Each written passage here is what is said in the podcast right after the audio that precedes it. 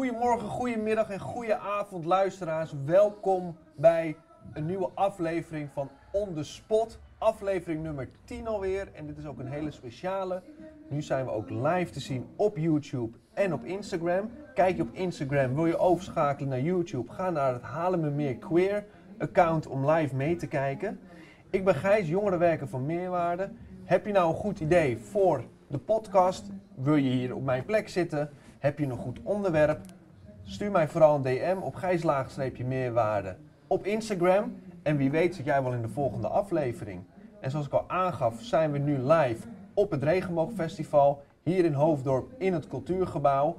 En ik heb een aantal gasten die ik ga voorstellen. Ik heb rechts van mij Daphne van het COC en Sportservice. Ik heb Duco, influencer en model. Alexandra. Ehm, jij bent onder andere van het ISK. Je doet heel vrijwillig ook met Oekraïners, geloof ik. Ja. Wethouder Marjolein Steffens in de Water. En naast mij zit mijn co-host Cheryl van de Jongere Gemeenteraad. Welkom allemaal. Ja, dankjewel. Dank je. Hallo. Hoe is het festival tot nu toe voor jullie? Eh, nou ja, ik ben zelf meegelopen met eh, de Pride Walk. Ik vond het echt super leuk dat het gedaan was. Allemaal mensen kwamen uiteindelijk, voegden zich ook nog toe aan de Pride Walk. Oh, dus waren, waar waren jullie begonnen met de Pride Walk? Ehm, bij het oude gemeentehuis waren we begonnen. Oh, Oké, en dan zijn jullie door het centrum, eh, eh, door het centrum Ja, dat gelopen. klopt. En hoeveel mensen liepen er ongeveer mee? Nou, we begonnen met weinig, maar eh, het we- werden er steeds meer. En volgens mij zeker honderd. Wauw. Ja, Dat echt fantastisch. Er bleven maar mensen komen en Ja, zich toevoegen. Aansluiten, ja. Ik kon er helaas eh, niet bij zijn. Dit is de allereerste keer dat we een regenboogfestival organiseren. Voor de luisteraars, of zit je nu te kijken en wil je nog naar het festival komen? We zijn tot vanavond in de late uurtjes zijn we bezig. Vanavond zijn er ook nog artiesten zoals Promise. Ben je onder de 18 jaar, dan kan je gratis er naartoe. Dus dat is denk ik wel, eh, wel heel mooi. En we zijn een regenbooggemeente, Marjolein. Ja. Dus kijk ik eigenlijk naar jou. Ehm, wat houdt de regenbooggemeente in? Nou, de, eh, als je echt formeel een regenbooggemeente bent, eh, dan zegt het ministerie dat je op de goede weg bent met eh, zorgen dat er meer bewustwording komt eh, in je gemeente, zodat mensen veilig zichzelf kunnen zijn. En dat is natuurlijk nooit genoeg. Maar ik heb wel een heel mooi nieuwtje voor je. Oh, Want vanmorgen werd bekend dat de minister extra geld heeft toegezegd. En eigenlijk zouden wij het eind van dit jaar klaar zijn als regenbooggemeente. En moesten we ergens anders vandaan middelen gaan vinden Mhm. om allerlei dingen te doen die te maken hebben met bewustwording en acceptatie van de, de doelgroep LHBTIQ. Plus moet ik zeggen, want eh, anders vergeet ik een Mhm. letter. Ehm, en wij krijgen nog vier jaar eh, geld van het ministerie. Dus dat is Oh. fantastisch. dat is onwijs mooi nieuws. Ja, En wat doen wij nu al vanuit de regenbooggemeente? U zegt over hè, eh, dat iedereen zich veilig voelt. Heeft u daar voorbeelden van? Nou, allereerst zijn we begonnen, en daar weet Daphne alles van, samen met Team Sportservice, om te zorgen dat er een veilige sportklimaat ontstaat. Mhm. Dus dat je ook als je op voetbal zit, ook als je op tennis zit, eh, dat je gewoon kan zijn wie je bent. Ja. En daar zijn we heel bescheiden mee begonnen, met eh, gekleurde regenboogballen Mhm. en aanvoerdersbanden. En dan werden bijvoorbeeld de voetbalwedstrijden op de Haarlemmermeerse velden in een bepaald weekend werden gespeeld of even aftrap gedaan Ja. met die regenboogbal. Maar dat is natuurlijk niet genoeg. Ja. Dus dat heeft zich steeds verder uitgebreid. Nou, daar ga jij vast iets over vertellen, Daphne. zeker. Eh, nou, we zijn inderdaad toen ook begonnen om die verenigingen te benaderen. Of ze die, eh, die, die vlaggen wilden Ja. hijsen op de Coming Out Day. En eh, nou ja, dat eh, begonnen er met eh, een stuk of tien. En nu zitten we toch al op 15 en 20 eh, verenigingen. ja, want je hebt hier ook deze meegenomen. hè? Ja, klopt. Kijk of dit te zien is voor de heren achter de camera. Ja, deze horen er inderdaad bij. Dat zijn de aanvoerdersbanden waar Marjolein het over had. En de stickers en een bordje voor aan de muur. Dat is eh, de Haarlemmermeerse richtlijn voor veilig sportklimaat. Mhm. Eh, Team Sportservice is alliantiepartner van de regenboogagenda. Ja. En dat eh, betekent dat wij ons inzetten om eh, ja, inderdaad die acceptatie voor de LHBTIQ plus community Mhm. te verbeteren. Ehm, en zodoende hebben we ook, ehm, ja, willen we inzetten op veilig sportklimaat. En dat betekent dat we eigenlijk eh, verenigingen stimuleren om op drie punten hun vereniging veiliger te maken. En dat dus ook de LHBTQ, plus Ja. community zich ook veiliger voelt. En dat houdt in bijvoorbeeld dat je veilig sportklimaat borgt in het beleid, Ja. dat je een ver- vertrouwenscontactpersoon hebt en dat je gedragsregels hebt. En Cheryl, jij bent van de jongere gemeenteraad. Ehm, zetten jullie ook nog specifiek in voor de regenbooggemeente? Of op een andere manier? Want jij bent ook eh, van het GSA, hè, van het Hagenveld geloof ik, in Heemstede. Ja, ehm, we zijn met de jongere gemeenteraad hebben we een werkgroep diversiteit. We hebben Mhm. vijf werkgroepen, maar één richt zich specifiek op de LHBTI plus community. Mhm. En ehm, we zijn onder andere bezig met het organiseren van een Paarse Vrijdag samen met de Haarlemmer Queer. Ja. En dat kan hopelijk in Duiker plaatsvinden. En dan is dan nadat de Paarse Vrijdag, wat een feestdag is om te vieren dat je jezelf kan zijn, wordt gevierd op school. En dat doen meestal de GSA's. Eh, wordt daarna een feest gehouden, hopelijk in Duiker of ergens anders, zodat we ook met een chill-out en met elkaar en met de hele gemeente kunnen vieren wie we zijn. En is dat dan ook met meerdere GSA's van verschillende scholen? Ehm, de Haarlemmer Queer is een organisatie waarin verschillende GSA's uit de Haarlemmermeer zich hebben verzameld. Dat was heel leuk, want ik was een keer op een COC-meeting van ehm, op een COC-meeting in Kaimunk. En toen hebben ze, we met een grote groep GSA's besloten, laten we eens een groepsapp maken. En toen hebben al die GSA hebben zich gebundeld en nu zijn er veel meer acties eh, voor de queergemeenschap. Oh, dat is wel super mooi. Weet je wat zo mooi is? De- de- jij laat, vertelt precies waar het om gaat. Dat heb ik vandaag ook. Hè. We hebben een wandeling gemaakt. We zijn gestopt op het regenboogvlak, wat er al echt een aantal jaar ligt. Ja. Wat eigenlijk toen bedoeld was, ook voor bewustwording. Van dat je denkt, ik sta hier, ik loop Ja. hier, waar- waarom is dit? En wat jij nu vertelt is precies wat we heel graag wilden. Ja. Namelijk, je bent een regenbooggemeente. Dan krijg je een beetje geld van het ministerie. Moet je er zelf geld bij doen als gemeente. Dan kun je eh, activiteiten bedenken, bewustwording, dingen die met sport te maken hebben. Maar wat we heel graag wilden is dat we een regenbooggemeenschap worden in Haarlemmermeer. En dat het dus niet de gemeente is, maar de gemeenschap, de samenleving, wij met elkaar, die zorgen voor elkaar. Ja. En het is prachtig om te zien dat we nu op alle scholen GSA's hebben, op alle middelbare scholen Ja. in Haarlemmermeer. Dat eh, allerlei organisaties, nou van maatvast, meerwaarde, maar bijvoorbeeld ook twee kerken in Haarlemmermeer dit keer hebben laten zien. Hè, door, nou, je hebt hem gezien, Ja, hè, die wapperende er vlag, we liepen er langs. Eh, dat het gewoon heel normaal is om te zijn wie je bent. Ook als het gaat om een religieuze eh, omgeving. Ja. En dat is precies wat ik heel graag wilde. Ik ben echt eh fervent voorstander hoor, van het hele de regenbooggedachte. Namelijk, laat mensen gewoon zijn wie ze willen zijn. Ja. Wie ben ik om iets te vinden over hoe jij moet zijn? Ja. ja. En Alexandra, hoe vind jij het eh, hier tot nu toe op de Regenboogfestival? Ja, het is echt gaaf. ja? Ja, en je kan ook een verschil tussen Mailand en tussen hier wel zien. Ja. Uh, want in Mailand kan je het helemaal niet laten zien naar andere mensen, maar hier wel. En dat vind ik echt, echt bijzonder. En hoe komt het dan? Want je komt uit Polen. Ja. Ehm, waarom kan het daar dan niet? Uh, mensen zijn echt niet tolerant. Ja. Ze denken dat het niet normaal is, dat het een ziekte is als je van onze community bent. Ja. Dus het is wel vervelend, maar hier heb ik wel veel echte aardige woorden gehoord van mensen. Dat het leuk is dat ik kan met mijn vlag lopen. ja. En dat is echt, ik voel trots op mijzelf als ik hier ben. Volgens mij zijn dat hartstikke mooie woorden Daar gaat voor, het om. voor de gemeente. eh, Daar gaat het dat, om. eh, Dat jij je trots voelt en dat andere mensen ook jou de ruimte geven. En daarmee eh, dat je eigenlijk jezelf kan ontwikkelen tot wie je wil zijn. Ja. Zo belangrijk en zeker voor jonge mensen. En zijn er dan nog dingen nodig in de gemeente? Waarvan jij denkt, of, of jullie denken van, hé, hey, dat mis ik nog wel. Of daar kunnen we nog een stap in zetten. Daar loop ik tegenaan. Hebben jullie daar... eh, Wat mij lijkt is dat ik zou het een mooie droom vinden als op elke middelbare school en in elk openbaar gebouw een genderneutraal toilet zou zijn. Want dat is op lang nog niet alle scholen zo. Op die van mij, Haagveld, dan weer wel. Maar ik merk ook dat er in, de, in het gemeentehuis he- helemaal geen genderneutraal toilet is. Mm.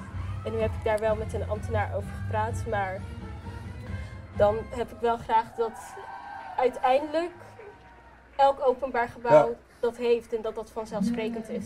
Het is al onwijs zo dat je gewoon naar de ambtenaar stapt en daar even over in gesprek gaat. Ja, Zeker. zeker. Dat is, Zeker. Volgens mij begint het wel, eh, wel daarbij. Nee, ik Ja. zou dat zelf ook heel erg fijn vinden. Ik zit nu op een salesopleiding en ik ben daar net begonnen en ik dacht eerst van, oh, dit zou alleen maar macho cultuur zijn. Uiteindelijk valt het Ja. best wel mee, maar zijn daar ook geen genderneutrale toiletten. En ja, ik zit meestal, voel ik me niet helemaal bij de jongens altijd thuis. Ja.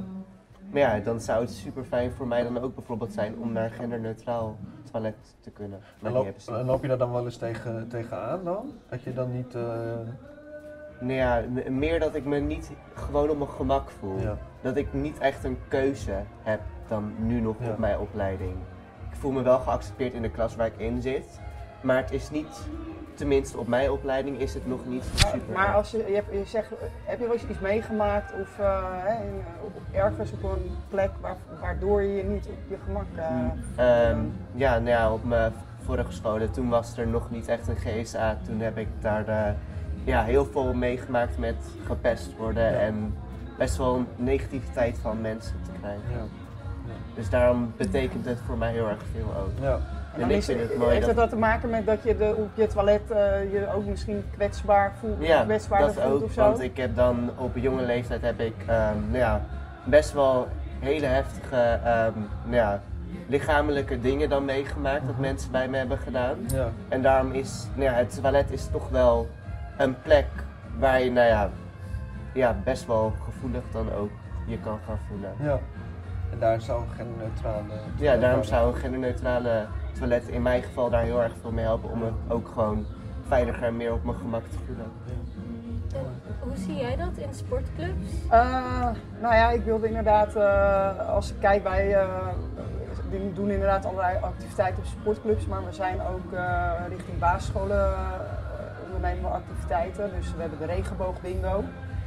Ehm, en eh, daar benader ik allerlei basisscholen voor. Eh, om, het is eigenlijk heel subtiel, het, eh, het is eigenlijk bewegen alleen dan met bijvoorbeeld een regenboogattribuut, een, een bal of zo.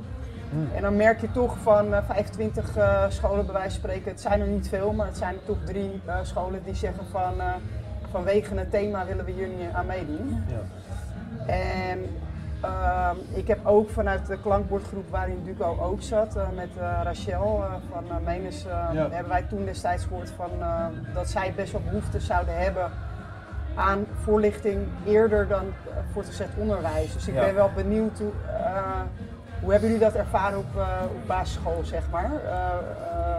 Ja, was er al, wist de leraar wat over LGBTQ plus community? Of werd er iets over verteld? Of hebben jullie die behoefte? Nou, op mijn basisschool was er zeker die behoefte.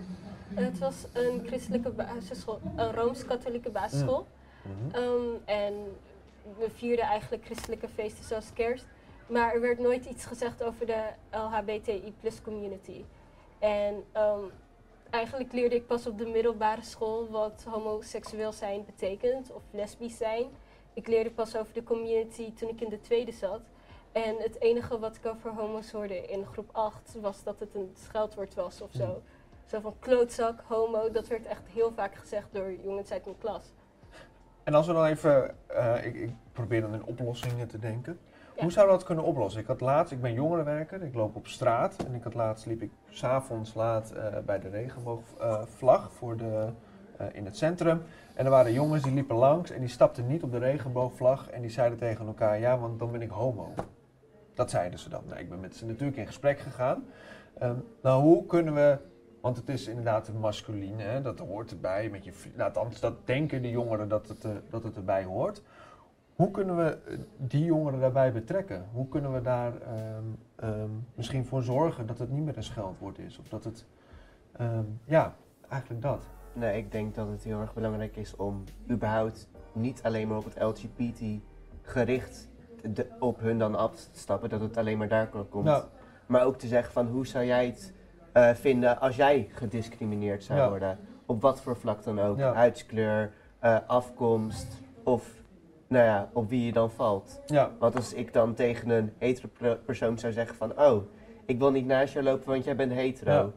Nou, dat komt precies op hetzelfde neer. Ja. Hoe zou jij je dan voelen? Ja. Ja, ik denk Ja. ook toch weer die bewustwording. Want eh, ja, ik ben nog steeds wel benieuwd eh, van hoe, hoe is dat op het ISK bijvoorbeeld? eh, is het daar zeg maar bekend of hoe reageren ze daar? Zou, zouden we daar wat kunnen bereiken op het gebeuren, hè, als we iets vertellen over LHBTIQ+. Ja, op ESK er zijn mensen van veel verschillende landen. Mhm. En niet, van, niet in elke land ze zijn echt tolerant, zoals in Ja. Polen.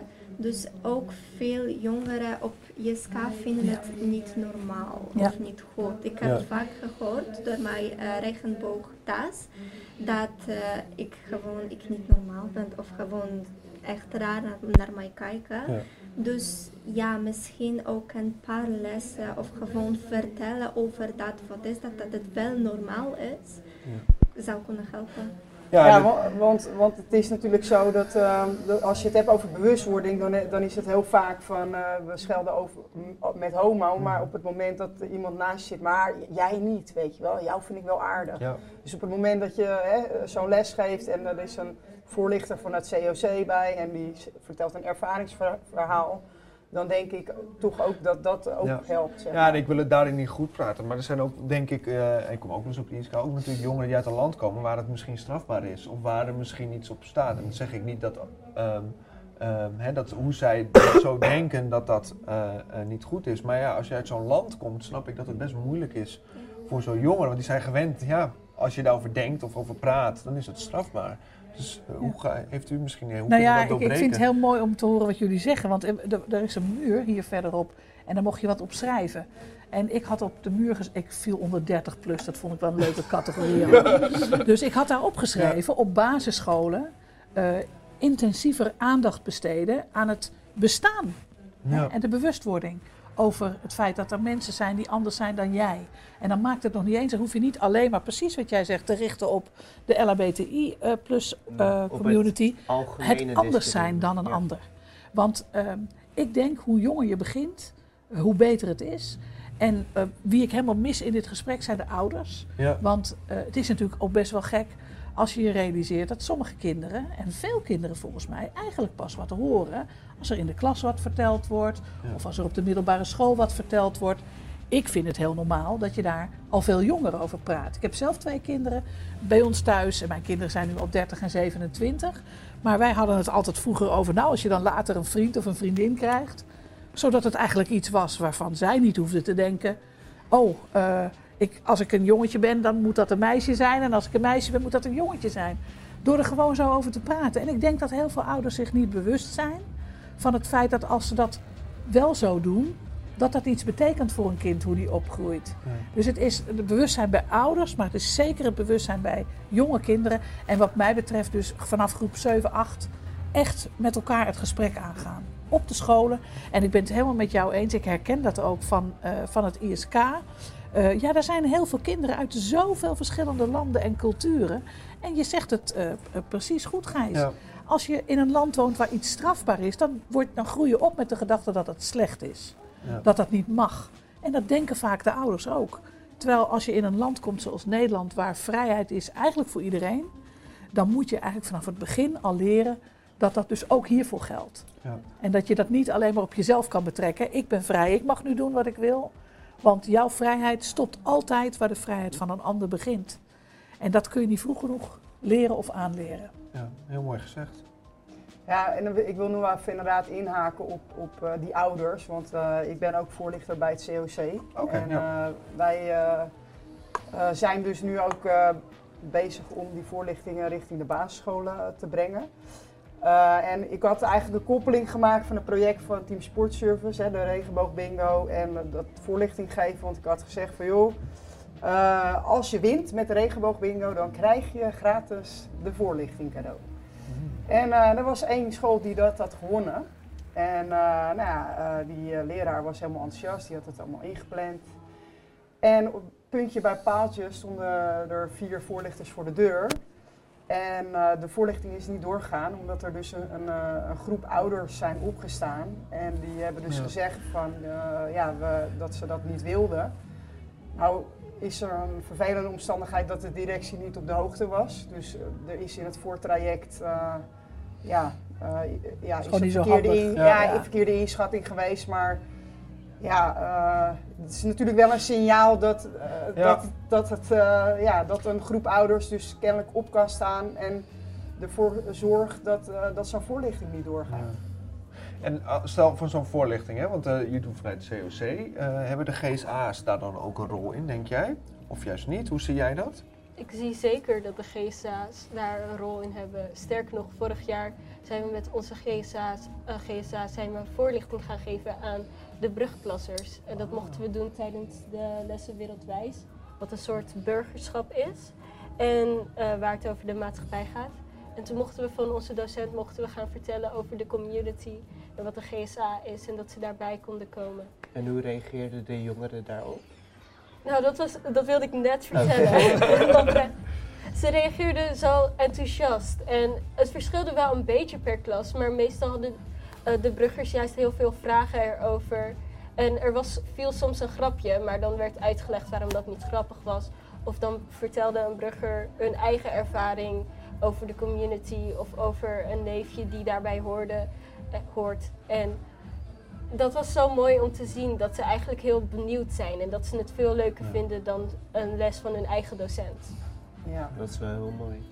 Ja. Ja, jullie zijn dus natuurlijk super stoer dat je dat gewoon uh, durft en doet. Uh, voor, uh, en jullie zijn natuurlijk een voorbeeld. Dus ja, ze, ik, ik, heb, ik doe zelf ook wel eens een eigen ervaringsverhaal, maar dan merk ik toch, ja, ik ben al wat ouder dan ja. in die zin. En dat, dat mijn verhaal dan toch, ik neem dan vaak een, een ervaringsdeskundige mee. Hè, van een klankbordgroep, van uh, Duco's ja. leeftijd. Of, uh, hè.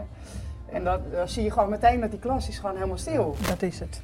En, dat werkt het beste, ja. hè? Ja. Als je iets van iemand hoort die ongeveer in je eigen leeftijdsgroep hoort. Ja. Omdat dat ook de mensen zijn van wie je dingen aanneemt. Ik bedoel, kijk naar jonge mensen hoor je vaak, ja, naar je, je ouders, weet je. Ja, daar moet je eigenlijk niet naar willen luisteren. Ja. Terwijl je misschien wel wil luisteren naar mensen die uh, van ja. je eigen leeftijdsgroep zijn. Jij hebt ook een filmpje voor de gemeente opgenomen. Ja. Wil je daar wat over vertellen? Wat, uh, wat voor filmpje dat was? Ja, het was ongeveer een jaar geleden. En het was een filmpje over mijn oriëntatie. Dus ik heb gezegd verschillende tussen, tussen Polen en hier in Nederland. Ja. Wat zijn die reacties van mensen dat ik homo ben? Ja. En uh, hoe reageren boze mensen? Dat ze kunnen schreeuwen dat ze willen dat ik dood ben, dat ik moet doodgaan. Mm -hmm. En hier dat ze gaan glimlachen aan mij als ze, ze gaan iets regenboog Ja. zien. Dus dat vind ik ook echt bijzonder om zo filmpjes te maken of vertellen wat zijn de verschillen daarvan. Want veel mensen weten het gewoon niet. Ja. Want hoe is het dan om zo'n filmpje te maken en je verhaal te vertellen? Is het dan spannend? Want het lijkt mij best wel. ja, wel. Uh, ik heb een twee of drie keer gehaald. Oh, ja. Het, was, het is wel emotioneel. Ja. Ja, wel heel erg knap van je Ja. dat je zoiets biedt. Want er Super zijn, hoor.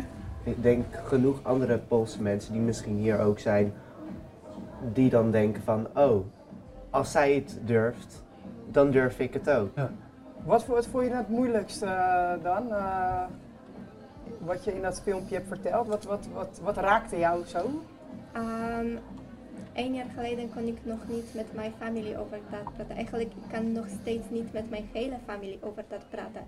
Dus dat was de moeilijkste om te zeggen dat ik kan niet voor de personen die zijn echt dichtbij, ik kan het niet vertellen. Nu kan ik het wel naar mijn vader bijvoorbeeld vertellen, maar naar mijn broers helemaal niet bijvoorbeeld. Dus dat, is, dat was de moeilijkste om te zeggen dat voor de personen dat ik echt hou van, ik kan het niet vertellen.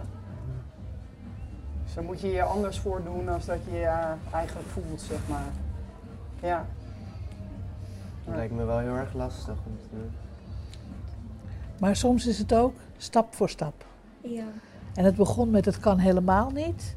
Nou, je zegt nu je kunt het wel tegen je vader vertellen. Ja. En op, op een bepaald moment komt ook die stap dat je ook met je broer erover kan praten. Dat hoop ik. Ik geloof dat echt. En hoe was jouw ervaring daarmee? Als je Um, daarover wil vertellen natuurlijk. nou ja, mijn ervaring was best wel gek. Ik werd eigenlijk, nou ja, in plaats van ben ik uit de kast zelf gekomen, werd ik uit de kast gegooid. Oh, eens, ja. ja. Nou ja, en, uh, ik had een online vriendje had ik. Ja. En uh, zijn moeder nou ja, belde mijn ouders op en die zei, uh, zei tegen mij, die moeder, van... Oh, ik ga het heel erg rustig nou, tot je ouders brengen. En die zei meteen van, ja, uw zoon heeft een eh, relatie met mijn zoon. En zo ben ik uit de kast gekomen. Je meent het niet. Ja, Jeetje. dus... Hoe eh, oud was je toen? ehm, volgens mij 14, denk ik. Oh, wat naar als mensen dat op die manier doen, hè? Helemaal ja, niet het was wel in één keer gewoon boom. Dus ja, Hoe vond jij dat? Want ik zeg dan wat naar, maar misschien dacht op jij dat wel, moment vond ik het... ook een opluchting. Ehm, vond ik het eigenlijk niet leuk. Ik dacht van, oh, nou ja, je had iets heel anders tegen mij gezegd.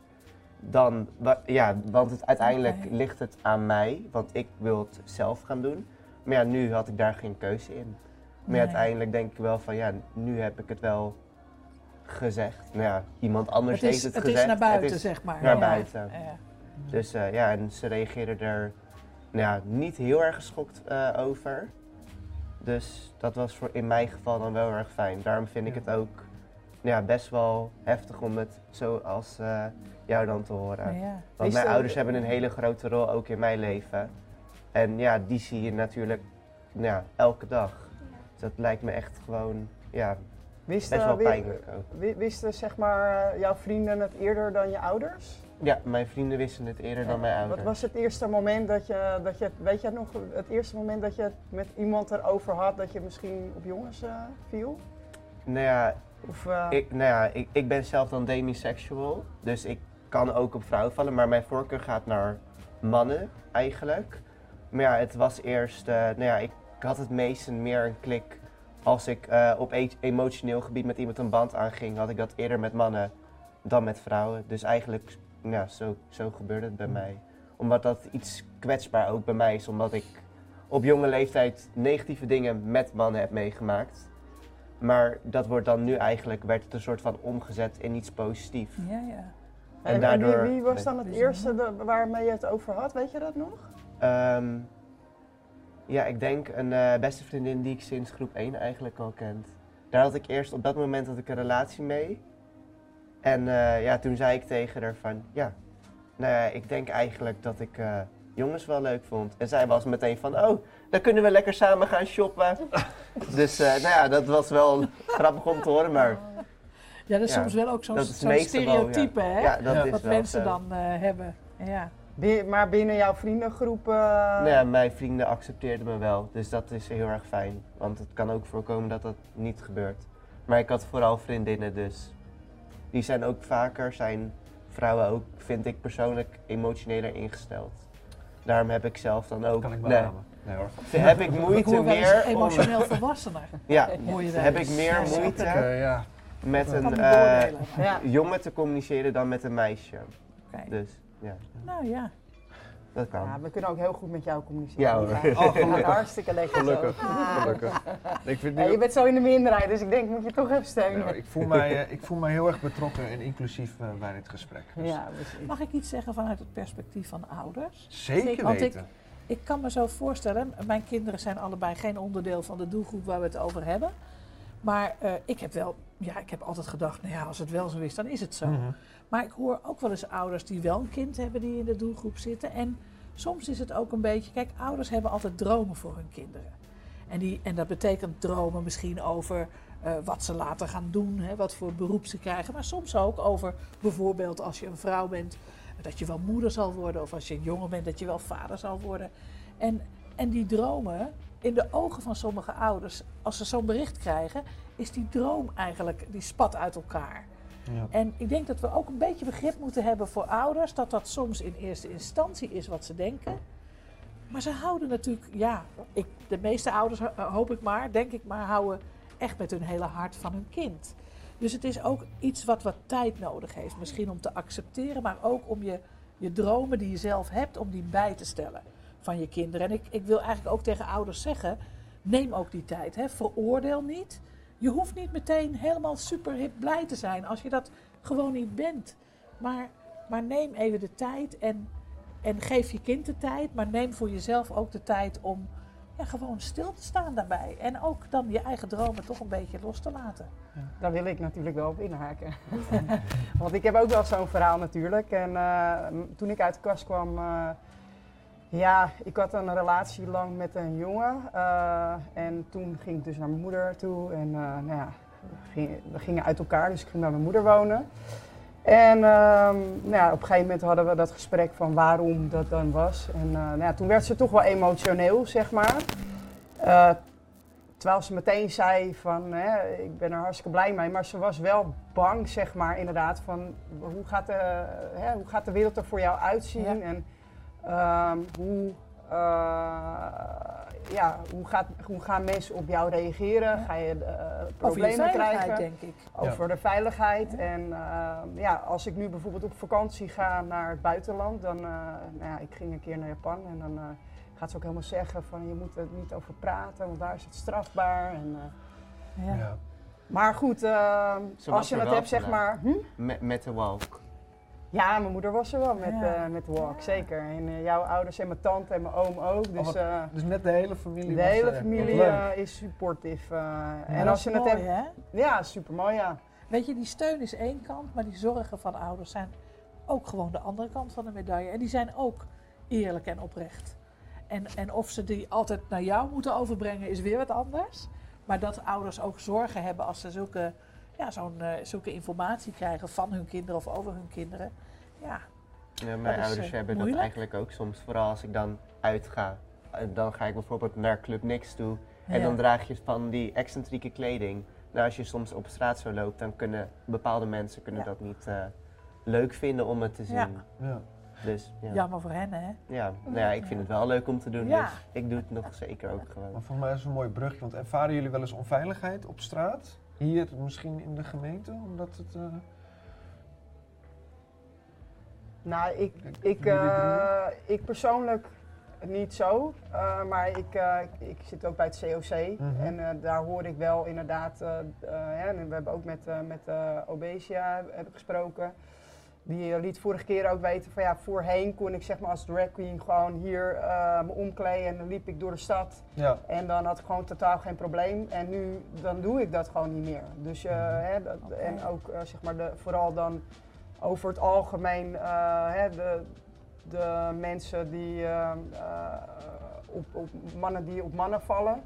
Hè, homo's die, die hebben ook wel vaker zeg maar toch hand in hand lopen of eh, intiem zijn. Dat, dat, ja, dat, eh, daar reageren mensen gewoon wel eh, op. Ja. Het is er zo raar, hè? Want ik, ik kom uit Amsterdam, daar, daar ben ik zelf geboren en opgegroeid. Ik, ging, ik had vroeger ook vriendinnen die lesbisch waren, vrienden die homoseksueel waren. Ik ging met hen stappen in de Korte Leidse Dwarsstraat. ja.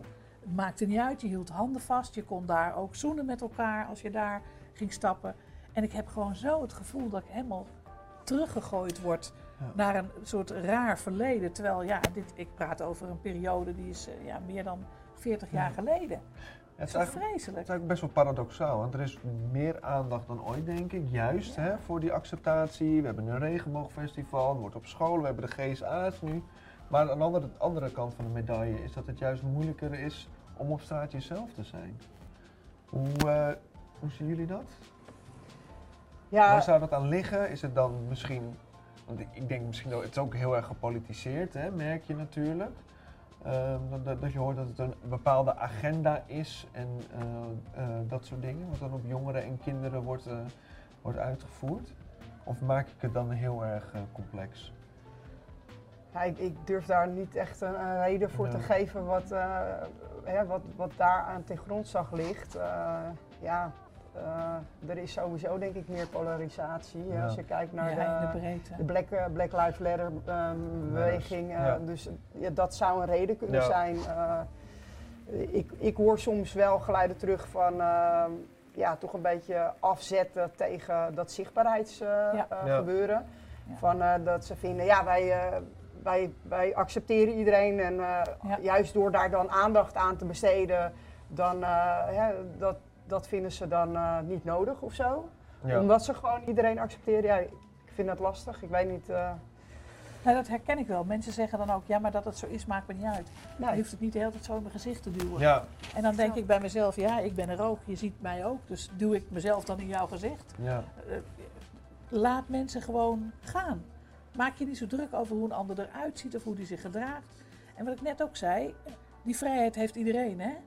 Dus, eh, maar die grens is wel de vrijheid van een ander. Dus je kunt het niet leuk vinden, wat jij net zegt, mensen die het niet leuk vinden, dat je er heel excentriek gekleed uitziet bijvoorbeeld, een keer. Maar dat hoeven ze ook niet leuk te vinden. Maar ik We denk dat gewoon nu- door. Ook dat social media een hele grote factor was. Want een aantal jaar geleden was dat er ook niet. En nu, Zeker. nou ja, het kan zowel heel erg negatief kan het uitpakken, als in heel erg positief.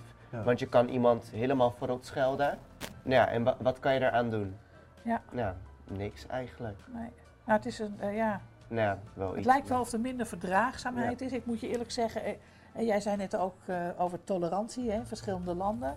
Nou ja, ik denk dat Gijs wel weet wat ik ga zeggen. Ik vind eh, tolereren, ik hoef jou niet te tolereren, ik moet je accepteren. Ja. Tolereren is niks. Tolereren is, nou ja, je bent er en eh, ik, ik wil me vooral niet met je bemoeien, blijf uit mijn buurt.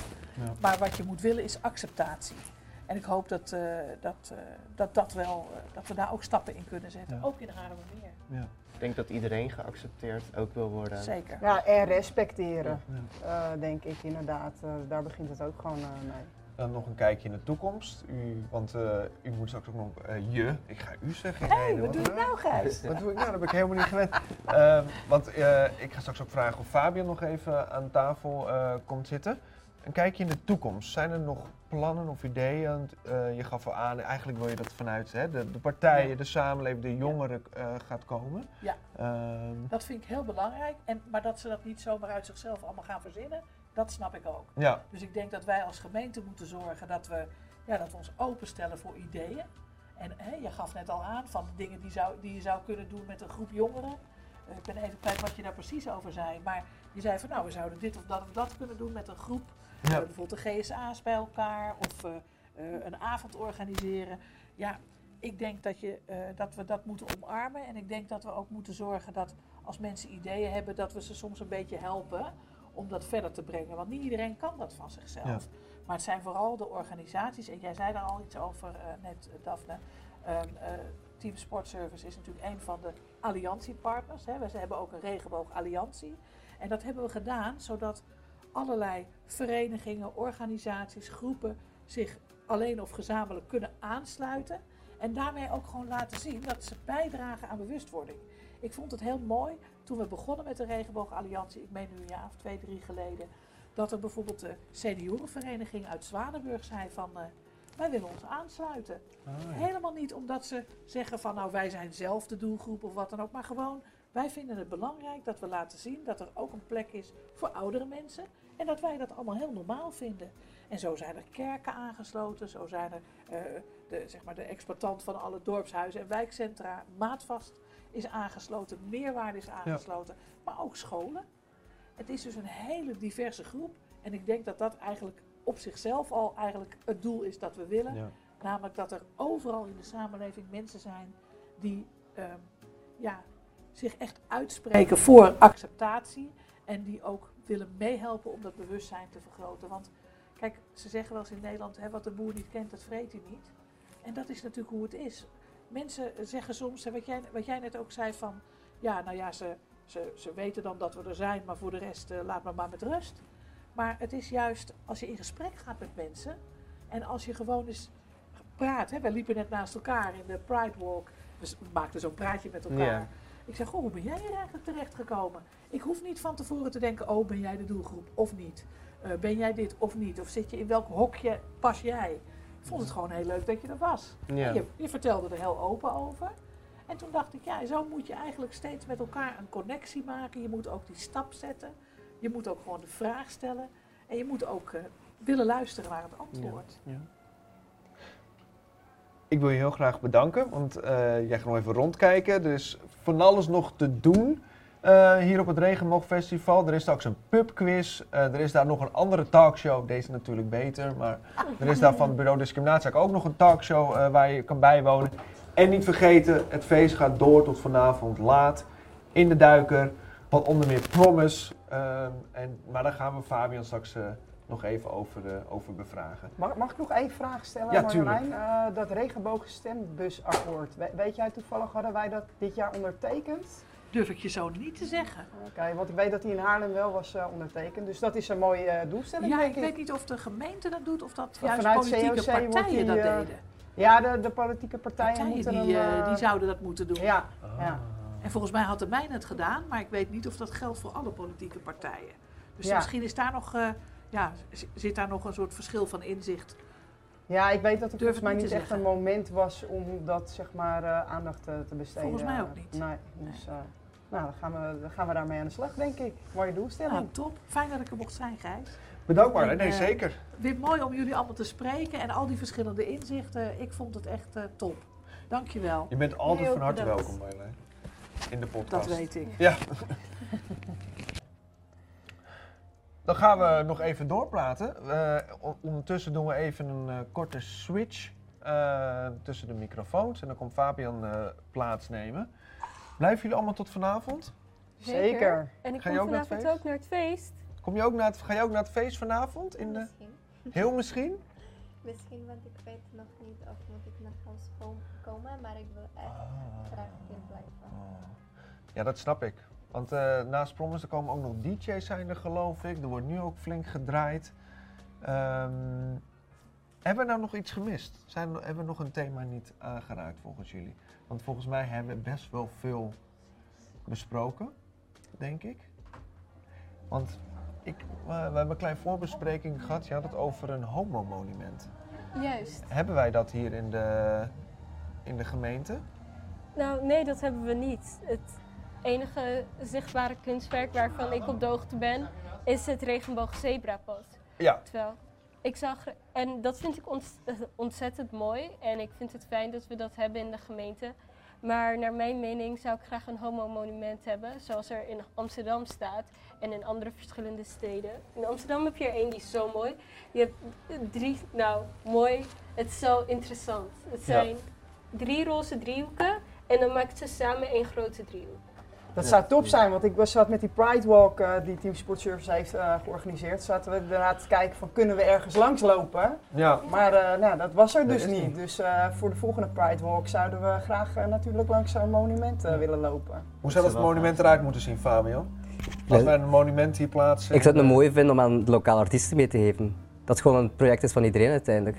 Ik denk dat het heel mooi is uiteindelijk en een heel mooi, eh, heel mooi initiatief uiteindelijk. Dus, oh, dus eh, je lokale kunstenaars, dat we die iets laten, ja. eh, laten of, of maken. vanuit Menes. Want Oh, ja. ja. ik, ik ben Fabian trouwens, ik ga me heel even voorstellen. Ik ben jongerenwerker bij Stichting Meerwaarde en ik ben ook actief bij Menes. En samen maken wij projecten met jongeren en proberen we ze allemaal te verwezenlijken. Dus bijvoorbeeld zo'n zo'n monument zou su- super tof zijn, moesten we samen met jongeren doen en lokale kunstenaars en met allemaal partners samen. Dus dat was dan een leuk initiatief. Weet je wat echt heel leuk zou zijn? Jullie op het centrum staat zo'n stenen man, toch? Stel je dat voor... Het Michelin-mannetje. Michelin. zeggen, Maar dat, toch, die bedoel je, hè? Ja. Die, eh, ja. Juist. Het- maar het zou heel leuk zijn als we een Michelin persoon kunnen maken en dan in regenboogkleuren. Dat en dan zo'n andere zijn. versie ergens Dus, zetten. dus eigenlijk geen neutraal bedoel je dan? Niet, een- niet een eh, mannetje, maar gewoon een persoon. Ja, Ja. Dat is eh, een cool. non-binair persoon. Volgens mij zijn we hier gewoon al een idee voor volgend jaar aan het verzinnen. En moeten het we gewoon top, ja. kijken of we jongeren bij elkaar kunnen vinden om een eh, initiatief in te dienen bij de gemeente voor een homomonument. Ja, dat Want we kunnen de gemeente vragen, maar we kunnen ook zeggen, dit is het plan, denk ik. Zeker. Ik zou het heel top vinden, dus eh Menes staat ervoor open. Het zou super zijn. En je bent ook een beetje betrokken bij de organisatie. Ja, dat klopt, inderdaad. Eh, daarvoor mocht ik ook hier, eh, hier zitten. Mhm. Ehm, wil je wat vertellen over het Regenboogfestival? Waarom vind- is het, vind jij het belangrijk dat we dit eh, Ja. organiseren in de gemeente? Ten eerste, ik vind het super top dat eigenlijk een Pride, ik ga het even gewoon een Pride noemen Ja. ook, want ja, het is een regenboogfestival, maar het staat ook wel echt voor een Pride. Ik vind het super top dat het eigenlijk in een gemeente zoals Gardermeer kan gebeuren. En de meeste Prides vinden plaats in steden, in grote steden. Ja. Dus dat het al iets lokaler gaat incijpelen, vind ik top. Uh, puur voor mij, natuurlijk, ik ben ook van de queer community. Uh, ik vind het heel belangrijk dat we steeds het signaal blijven uitzenden naar iedereen, naar de hele wereld toe. Ik weet, we leven in West-Europa. Uh, dit deel van de wereld heeft het relatief oké qua gay rights, qua queer, queer rights. Maar toch zijn er inderdaad, ja, ik had aan tafel ook al enkele voorbeelden horen, horen vallen uiteindelijk. En het, ja, de zichtbaarheid van queerness is inderdaad steeds meer en meer een ding, vooral op social media. Uh, vandaar, ik vind het super belangrijk dat we heel tijd dat signaal moeten uitzenden op elke mogelijke manier. Een pride, via het welzijn, via cultuur, via de sport, via iedereen uiteindelijk. Ja. Dus ik vind het heel, heel belangrijk dat we dit zijn gestart. En ik zou het heel top vinden moesten we het ook volgend jaar kunnen verder zetten. En jij bent ook naast hè, Menens ben je ook jongerenwerker. Kom je Ja. ook wel eens jongeren tegen of spreek je wel eens jongeren die struggelen met hun geaardheid of gender? of- Zeker, zeker. Uh, ik heb een aantal individuele trajecten uh, van jongeren die inderdaad gewoon ja, in, in een fase zitten, dat ze zichzelf aan het ontdekken zijn. Eh, en ik merk daar toch wel heel veel bij dat de sociale omgeving een heel grote druk is voor hen. Ehm, ze missen, het gevoel van eenzaamheid is enorm groot bij de jongeren. Eh, en vandaar ook ja, het stukje zichtbaarheid. Als we iedereen het signaal kunnen uitzenden dat het eigenlijk volledig genormaliseerd zou kunnen worden, dan is er ook een stuk van de jongeren die zich heel veel minder zouden eenzaam voelen. Ehm, dus ik, ik, ik als mijn ervaring in de queer community probeer die dan ook volledig in te zetten, Ja. tezamen met mijn expertise in het jongerenwerk, om die jongeren uiteindelijk op die manier wel te begeleiden. Ehm, ik, vind het, ja, ik, ik ben heel dankbaar dat ik het werk kan en mag doen. En het geeft mij ontzettend veel energie. En we doen dat natuurlijk niet alleen vanuit het jongerenwerk, met Ja. verschillende partners. Dus ja. Ja, ik wil er wel even op inhaken. Ik weet niet of heb jij ook trajecten zeg maar met eh, eh, zeg maar de- de genderdiverse personen? Want eh, vanuit Team Sportservice hadden wij op een gegeven moment ook eh, de vraag vanuit onze collega's hoe daarmee om te gaan, zeg maar. Dus ik en ik, ik heb ook het idee dat in de maatschappij hè, van de hele community dat de, de genderdiverse personen, hè, zoals transgender of non-binaire personen, eh, dat daar nog heel veel onbekendheid over is en dat, dat die ook nog heel kwetsbaar zijn, zeg maar. Is het een hele gekke vraag, hè? En dan misschien is... eh, ehm, moet je op een andere manier met eh, iemand die genderdivers is omgaan, eigenlijk? Nou, Dat, dat Ja. vraag ik mij af. Ja? je moet op de manier met hen omgaan zoals ze aan jou vragen. Mhm. Ze hebben waarschijnlijk accommodaties nodig, zoals genderneutrale Mhm. toiletten of in het geval van sportclubs kleedkamers waarin zij zich kunnen plaats, plaatsnemen en waarin zij zich thuis kunnen voelen. Ja. En waarin zij zich niet buitengesloten voelen of in een hokje geduwd voelen. En je moet hun voor, eh, voornaamwoorden gebruiken en dat ook aan hen vragen. ja. Is heel veel onbekendheid inderdaad nog over. Die collega kwam er gewoon eh, letterlijk met de vraag van eh, op een gegeven moment had eh, diegene iemand in de les en die, die wist niet of het een jongen of een meisje was. En toen ontstond er dus toch een ongemakkelijke situatie, zeg maar. Het zijn hele kleine subtiele dingen. ja. Maar ja, hij, hij zocht dus een manier om gewoon met zo'n persoon om te gaan. Ja, hoe kan je, zonder hij of zij te zeggen, toch uh, iemand aanspreken, zeg maar. Dus toen zei ik veel gebruik, vraag gewoon de naam aan iemand. Ja. En uh, ja, ik denk dat dat soort kleine handvaten en ook uh, wat achtergrond van ja, hoe, hoe zit dat in elkaar? Uh, hè? Hoe, hoe werkt dat uh, bij iemand uh, ja. die zeg maar een seksdiverse persoon is, zeg maar? Ja. Maar wordt er, nee, er wordt er ook vrij weinig eigenlijk ook aan gedaan, überhaupt aan mensen die non-binair zijn, vind ik zelf persoonlijk. Want heel veel mensen hebben daar ook niet natuurlijk nog de kennis over. Ik zelf zelf als nou ja, LGBT-persoon uh, weet er ook niet heel erg veel over hoe ik iemand zou aanspreken. Terwijl ik het heel graag zou op een goede manier zou willen doen. Ja. Maar het is ook voor mensen die het niet gewend zijn, is dat ook best wel lastig om het dan toe te passen. Terwijl ik het heel graag zou willen doen. Ja, ik heb nu... Oh ja, ga jij eerst. Ja, Ga jij eerst. Mag ik een voorstel doen? Het zou me fijn lijken als wanneer uh, iemand zich voorstelt, je vraagt naar je je eigen voornaamwoorden geeft en dat je vraagt naar diegene's voornaamwoorden. Voornaamwoorden zijn waarmee je wilt worden aangesproken. Mhm. Mm -hmm. Voor mijn geval is dat zij, haar. Maar voor een non-binair persoon kan dat ook die, hun zijn, mm die, diens of andere voornaamwoorden. Mm. Of neopronouns, wat nog um, specifiekere voornaamwoorden zijn. En dat kan een persoon, elk persoon, ook al ben je niet non-binair, kan dat zelf aangeven. Neopronouns, kan je die uitleggen voor mij? Ja. Neopronouns zijn um, voornaamwoorden die niet vallen onder zij, haar, hij, hem of die, hun. Ja. Sommige mensen gebruiken hele oude voornaamwoorden, zoals xi, xim. Die worden dan, werden gebruikt in Oud-Engeland, ah. uit een hele oude taal. Mm -hmm. Of die verzinnen zelf hun voornaamwoorden, zoals be, beam.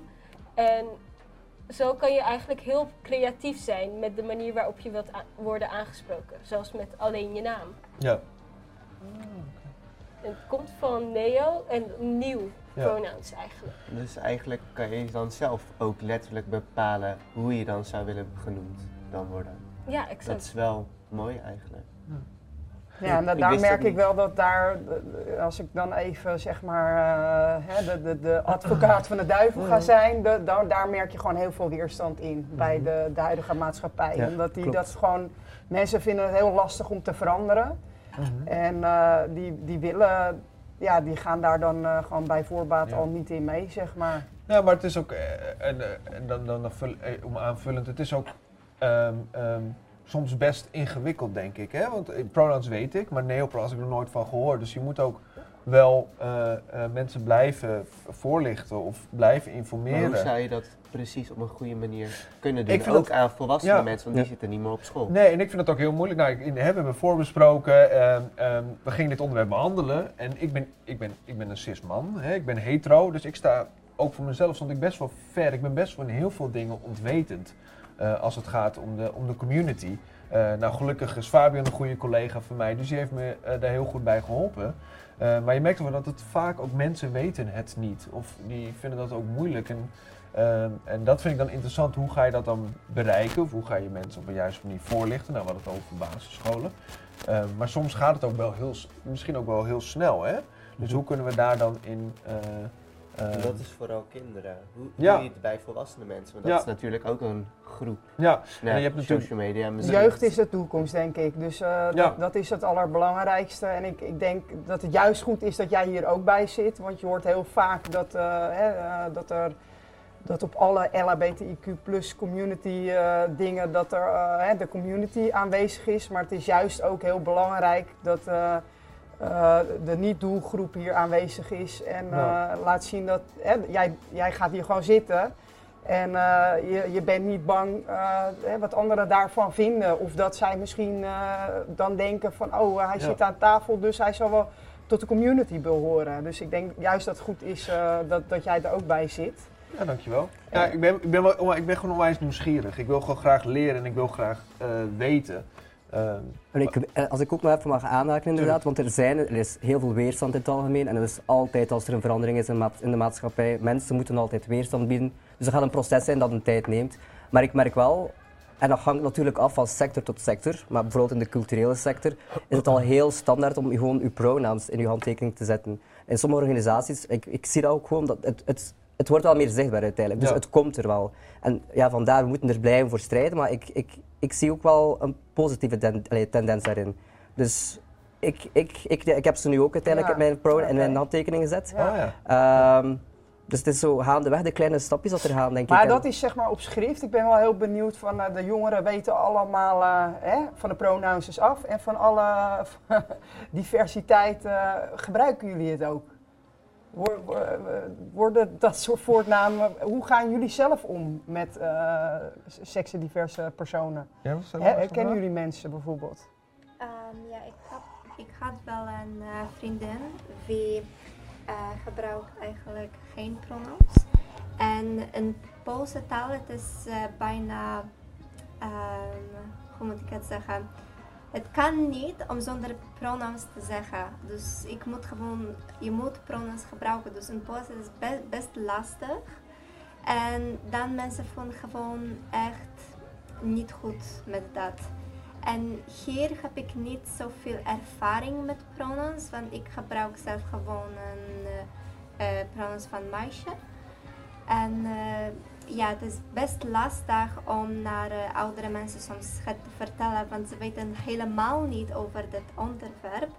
En sommige kinderen proberen om het te vertellen, maar hun gewoon hersenen is gewoon helemaal geblokkeerd om nieuwe informatie te krijgen.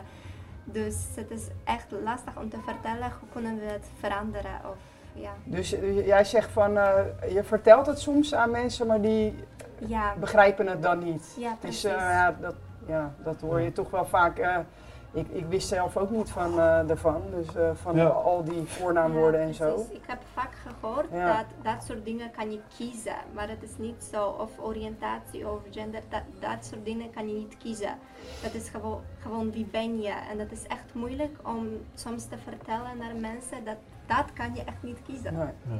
En vanuit de queer community, want ja, voor ons is het dan wel vaak een, een, een relatief natuurlijk proces. Maar we moeten ook beseffen inderdaad, mensen moeten het nog leren. En eh, zolang dat mensen er respect voor hebben en moeite doen, en zichzelf educaten, is het, gewoon, eh, is het voor mij puur persoonlijk oké. Ik snap dat er fouten worden gemaakt, maar die fouten, daarvan gaan ze leren uiteindelijk. Dus we moeten ook eigenlijk die, die houding ook in het achterhoofd houden. En zo Ja. komen we er. Ja, je wilt toch een, een, een denk ik dan, een, Dialoog je blijven wil in, de- in de samenleving toch een of andere cultuur daarin creëren, Ja. denk ik. Ja, Dat mensen de, hè, het accepteren, het leren, daarmee omgaan. En dat heeft, het is heel moeilijk om dat van, eh, nou, ik denk hetzelfde als met de eh, Sinterklaas, hè, zwart, dat, is- Mhm. dat zie je ook steeds meer veranderen. Er is nog heel veel weer, maar je ziet het langzaam, langzaamaan. gaat ja, het Klopt. eh, de goede, en dat denk ik hier ook mee. Ja, dat we ook wel zeker. mensen misschien de tijd moeten gunnen en, en blijven het gesprek aangaan en blijven informeren. En ik denk dat ze misschien ook naar deze podcast luistert of kijk je nu mee, daar Mhm. misschien ook wel eh, heel veel dingen uit kan Zeker. halen. Ja. Zeker. En ik zie dat ook bij mijn GSA juist, dat dat, de GSA op mijn school, dat dat een positieve kant juist belicht aan het gebruik van voornaamwoorden. We stellen onszelf voor met onze voornaamwoorden en ook gebruiken we degene, de voornaamwoorden die de persoon in kwestie wilt. Ja. En dat vind ik heel gebeurt al in de praktijk bij jullie dat jullie Ja. iemand hebben die, hè, waarmee je dus eh, die dienst of dat soort dingen gebruikt, zeg maar. Ja, En gaat het wel eens fout dan? dat en hoe, gaat- reageert die, pe- eh, hoe reageren jullie daarop? Dat gaat soms fout, maar meestal als, het, als iemand de verkeerde voornaamwoorden gebruikt, dan ehm, verbetert die zichzelf over de andere persoon. Ja, Of dan eh, zegt de persoon het zelf. Of zelfs soms dan is er een vriend of een vriendin die dan zegt: Jij gebruikt de verkeerde voornaamwoorden. En dan zegt diegene: Sorry, het spijt me. En dan zegt die, eh, gaat die door, maakt er geen groot gedoe van. Maar dan gebruikt die opeens wel de juiste voornaamwoorden. Ja. Maar op so- social media wordt het wel steeds toleranter gemaakt eigenlijk. Je ziet steeds meer in mensen hun bio bijvoorbeeld staan. They, them, Ja. he, she. Maar ook gewoon in het algemeen, niet alleen in Nederland, maar ook wereldwijd. Dus het komt wel, maar Ja. ook heel erg langzaam. Ja. En, eh, want eh, we gaan eh, richting een afronding. Ehm, wil ik eigenlijk nog één kopje wil ik behandelen. Ehm, want jij bent eigenlijk een beetje influencer, hè? Promise komt vanavond optreden. Heeft dan eh, muziek, boeken, cultuur, expressie. Helpt dat ook daar dan in Dat bij? Zeker, want dat is ook een soort van manier qua in iets overbrengen. Ja, Want als je het liedje meezingt, bijvoorbeeld dat over LGBT community bijvoorbeeld Ja. gaat, nou, dan leer je er ook een soort van. ja. En dan verspreid je het eigenlijk ook. En op ik- een positieve, leuke manier dan eigenlijk. Ja, en ik denk ook wel dat, dat hè, vanuit de, de queer community is ook eh, maar fashion, hè, mode. Er, wordt, er is al heel veel invloeden Klopt, ja. eh, eh, vanuit de community, denk ik, in de, in, in, in de maatschappij. En kan je wat vertellen over Promise eh, die vanavond optreedt, Fabian? Want dat zijn bekenden van jou. Ja, dus Promise is een eh, hyperpop duo. Eh Eén ervan is mijn vriend en de andere is mijn beste vriend. We zijn twee jaar, twee jaar geleden gestart met het project. Gewoon eigenlijk ja, in de coronaperiode. We waren, ja, ze zijn alleszins super creatief bezig geweest en dan hadden we het plan om uiteindelijk een, een band te beginnen. En de waarden die bij ons heel belangrijk stonden in de band waren inderdaad inclusiviteit. Eh, we stralen eigenlijk ook gewoon een vibe uit dat we gewoon iets hebben van we don't care. En we willen ook gewoon dat vertalen in onze teksten, in onze muziek. En we proberen ons ook uit te drukken op die manier, audiovisueel, fashion-wise. Eh, en we merken inderdaad ook gewoon door die vibe uit te stralen dat ook heel veel partners ons uit de queer community komen opzoeken. Gay Ja. Prides komen ons opzoeken. Vanavond gaan we ook optreden. En het is wel heel leuk om zo op die manier die boodschap ook te, ver- ja, te verspreiden, zoals je ook zegt. Ja. En het is een hele cultuur inderdaad die heel ja, met gelijkgezinden zijn. En het is heel leuk om in een safe space zoals daar te werken. Ehm, dus ja, ik zou eigenlijk iedereen gewoon uitnodigen om vanavond te komen. En gewoon, Ja. Het is, misschien, het is een, een genre dat misschien niet volledig jullie ding kan zijn. Maar het is ook gewoon leuk om eigenlijk te ontdekken. En op die manier ook een beetje de queer vibe van hen te voelen. Ik denk als je van, eh, want ik heb het al eens geluisterd, ik denk als je van de jaren 90 Ja, Eurohouse, het heeft ook wel een beetje heavy Europop, hardcore Ja. af en toe er doorheen. Ik denk als je daarvan houdt. En, en inderdaad, de lichtshow, het is een heel plaatje dat je vooral eh, moet, moet, moet komen kijken vanavond. Zeker. Ik sta geval Maar waar gaat het uiteindelijk om? Het gaat er uiteindelijk om dat iedereen eigenlijk bij elkaar komt. Ja. En dat Zeker is. Zeker, Zeker. En dit is de allereerste keer dat we eh het Regenboogfestival zo'n feest hebben, denk ik, in de Haarlemmermeer. Moet Ja. dit vaker gebeuren? Zeker. zeker. Zeker. Ja? Ja, nou, de datum staat al gepland. Ja, Echt waar? Dat wist Ja, ik niet. Wanneer ja. is die datum? Zeker. Eh, ik weet, volgens mij wel rond deze datum ook weer. Dus, eh, Dezelfde jaar. tijdsperiode jaar. ongeveer, inderdaad. Ja. ja, dus eh, Dus daar nee, kijken we allemaal naar uit. Dus, eh, alle ja. partners die in de projectgroep zitten, die zijn ook eh, mega enthousiast. En ik, ik zie ook heel veel jongeren eh, van de GSA's. En eh, volgens mij, eh, die, dus volgens mij is ik vind het echt een enorm succes. Zeker, zeker. Goede Hebben- vibe ook, Volgend jaar hopelijk nog beter en groter. Dat hopen we. Precies. altijd. Zeker. Zijn we iets vergeten nog te vertellen? Wil er iemand nog iets promoten? Volg de jongere gemeenteraad. beste raad, beste mensen. Op, Op- Instagram, jongere gemeenteraad, dan vind je het. Super. En ja, ieder- iedereen eh, die, die, die aanwezig is in Haarlem meer en die vanavond tijd heeft. eh, Promise begint om 8 uur in het cultuurgebouw in Duiker. Eh, jongeren 18 min zijn gratis toegelaten. Dus iedereen welkom. Alexandra, Nee, ik heb voor. Alles verteld? Ja. In ieder geval bedankt voor eh, dat je, want je hebt het last minute eh, erbij gevraagd. Hè? Super Bedankt tof. en stoer dat je hier wel eh, wilde komen zitten. Dico, wil jij nog iets promoten of iets vertellen? Wil je nog iets kwijt? Je Instagram. Ja. Nou, mijn Instagram is in ieder geval eh It's Duco. En eh, wat ik graag wil vertellen is dat ik dit heel mooi vind dat we deze podcast hebben gedaan. Ja, D- dat denk ik ook. Ik denk dat iedereen het daar zeker. mee eens is. Zeker? Daphne, sportservice, COC, wat? Nee, heel erg leuk om aan te sluiten. En eh, nou ja, we- Team Sportservice is gewoon heel supportief eh, richting de LHBTIQ eh, community. Dus eh, leuk om erbij te zijn. Zeker.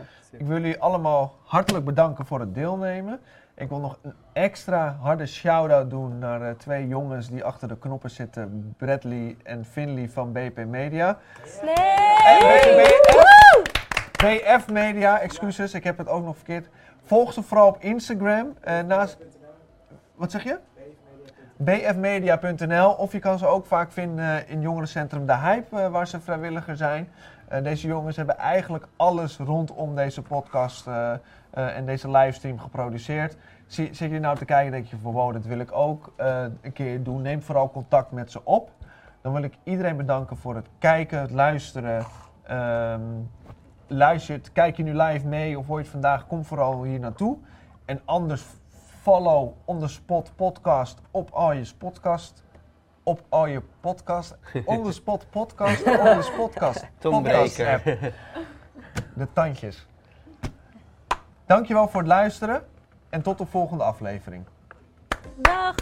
Doei. Doei!